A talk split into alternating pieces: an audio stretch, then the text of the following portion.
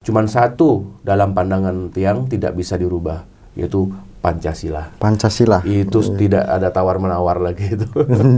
sumber dari segala sumber hukum gitu.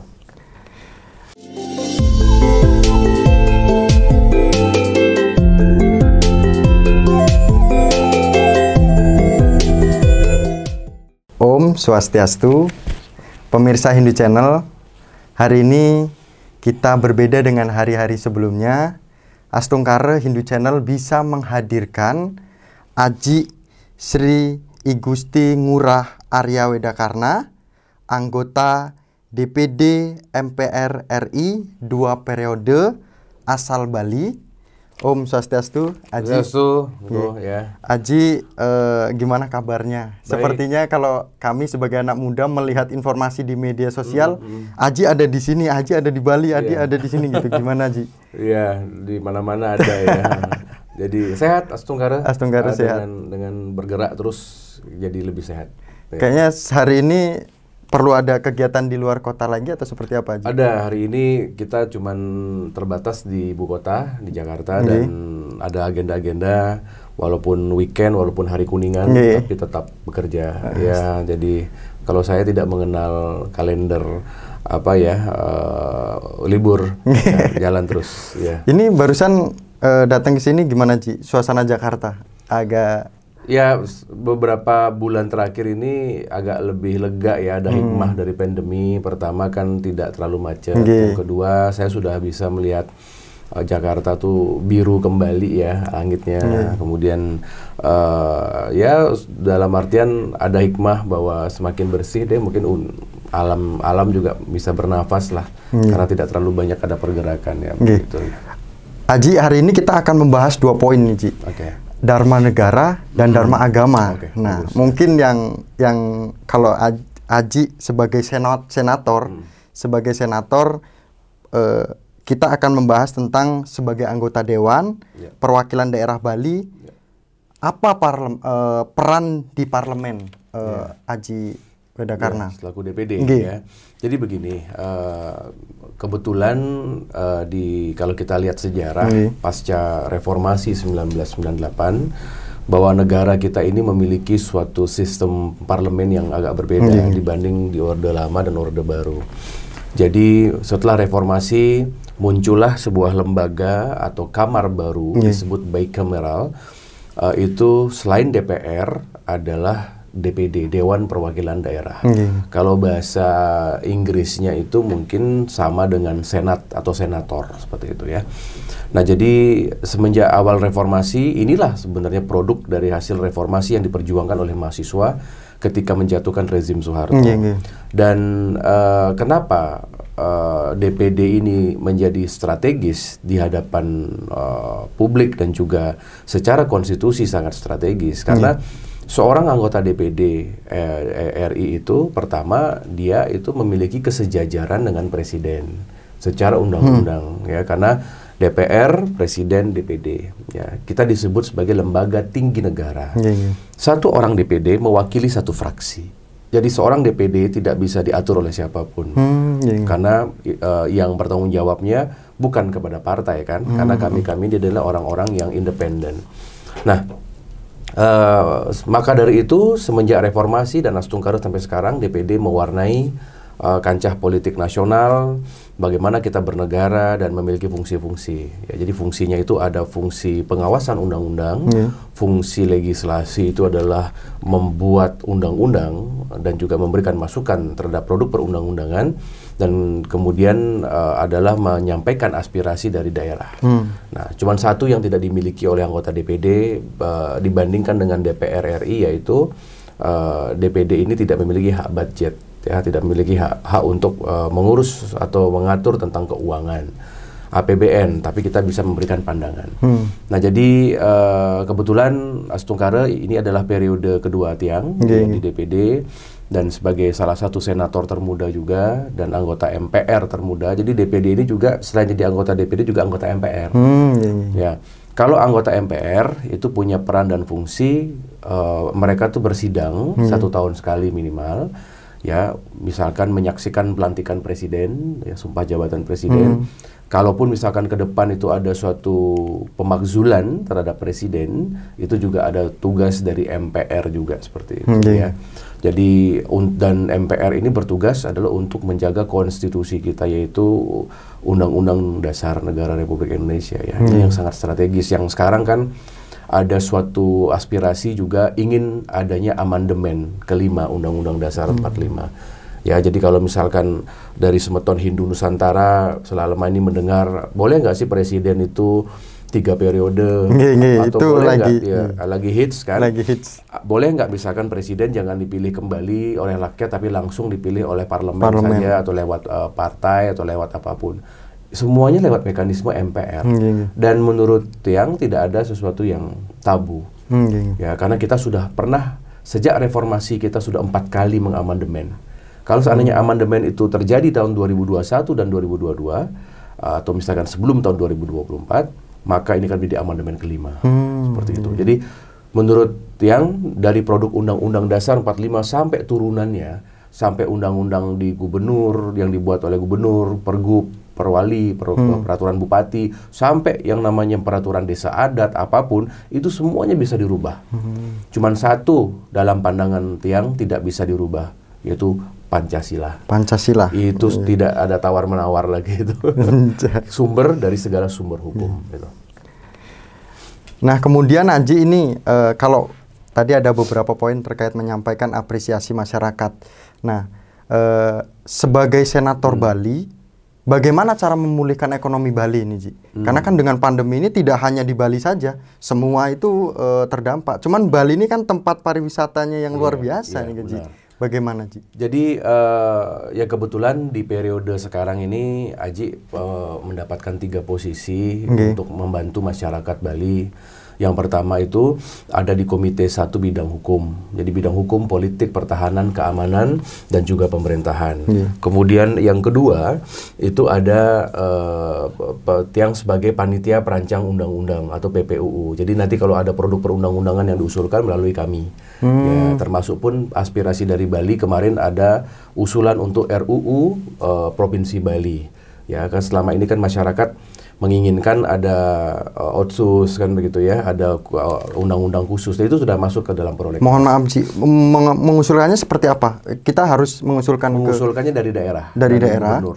dari daerah dari provinsi Bali mengusulkannya kepada bal- baleg ya dan, dan berkoordinasi dengan menteri hukum dan menteri dalam negeri nggih. dan itu sudah kita lakukan ya jadi kami dengan gubernur dengan bupati wali kota Sebali DPRD Bali berserta teman-teman DPR dan DPD termasuk juga dengan eh, Parisade kemarin sudah tahun lalu sudah eh, bertemu dengan menteri, bertemu dengan eh, ketua DPD, bertemu dengan Balek, sudah dimasukkan lah itu. Jadi yang dimasukkan itu ada dua yaitu draft untuk rancangan undang-undang Nggih. dan naskah akademik. Nah, itu adalah tugas PPUU yang untuk meng- mengolah itu. Nggih. Tapi berita bagusnya adalah DPD RI all out mendukung RUU ini ya. Jadi kita aklamasi Bapak Ketua kami Bapak Lanyala Mataliti, beliau sudah memberikan surat rekomendasi bahwa mendukung penuh dari eh, yang namanya RUU Bali. Setunggara ini bisa di- bisa disahkan sebelum 2024. Kemudian yang ketiga, kemarin Aji eh, terpilih menjadi salah satu wakil ketua pimpinan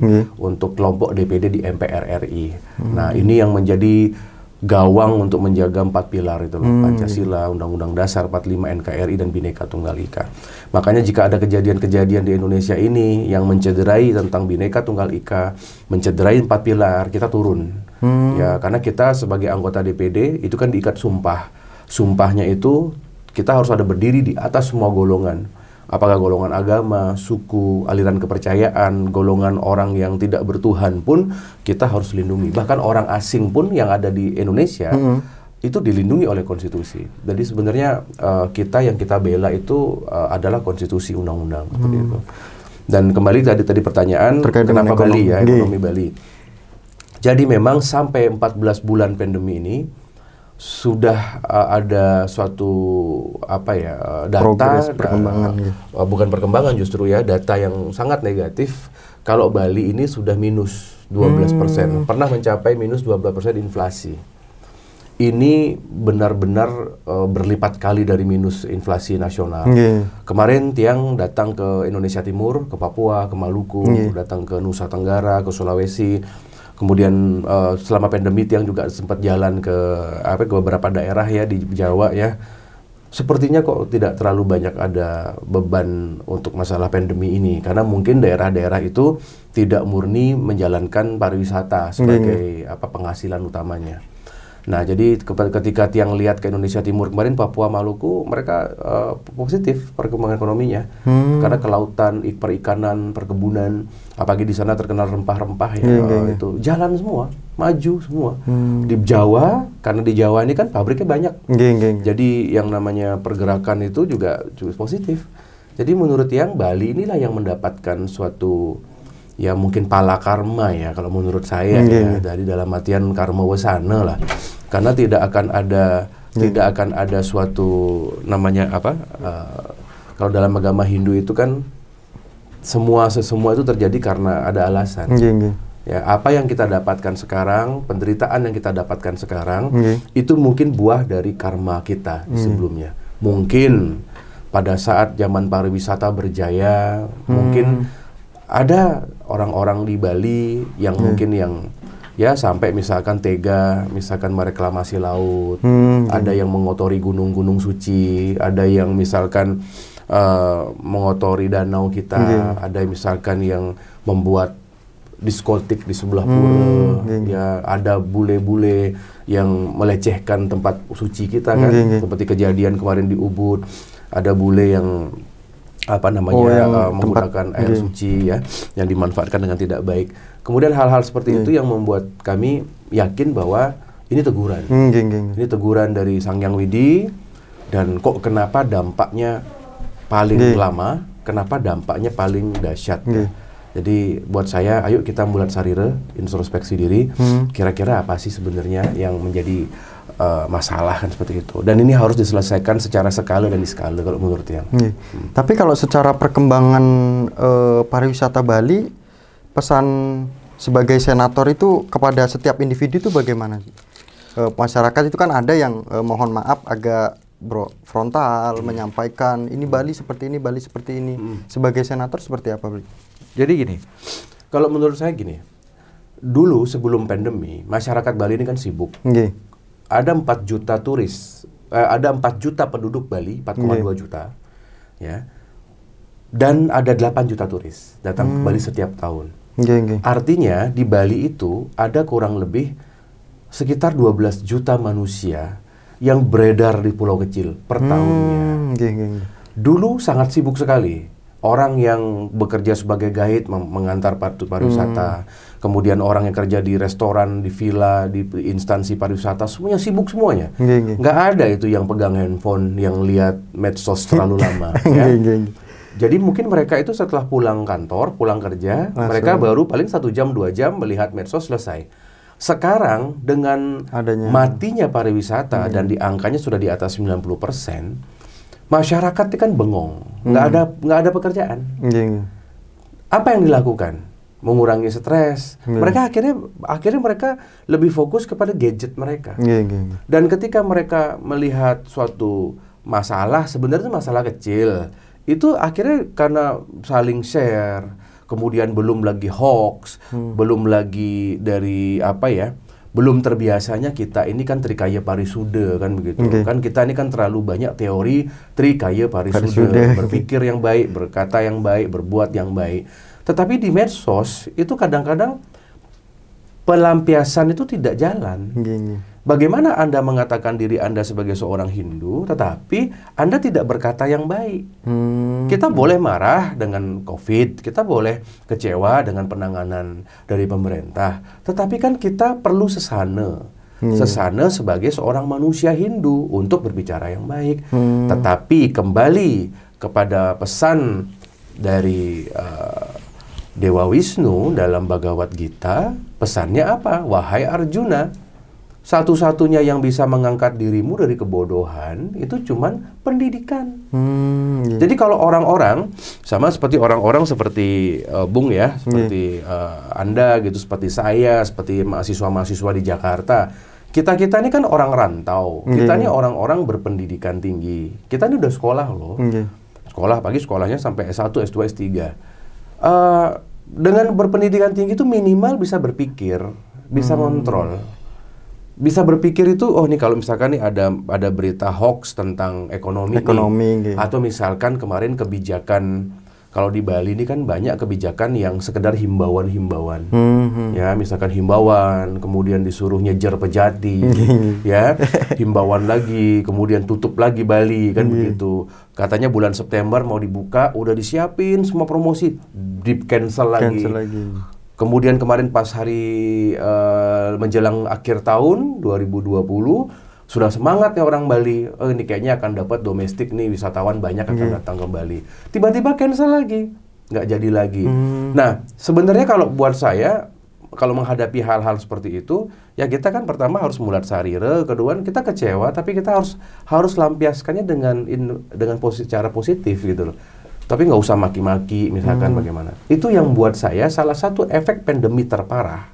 Kalau menurut saya di Indonesia ya bukan masalah sembakonya, bukan masalah jaminan sosialnya. Hmm, Karena pemerintah sudah apa sudah agak sudah usaha deh. Tapi yang paling ini adalah hoax. Berita hoax itu luar biasa.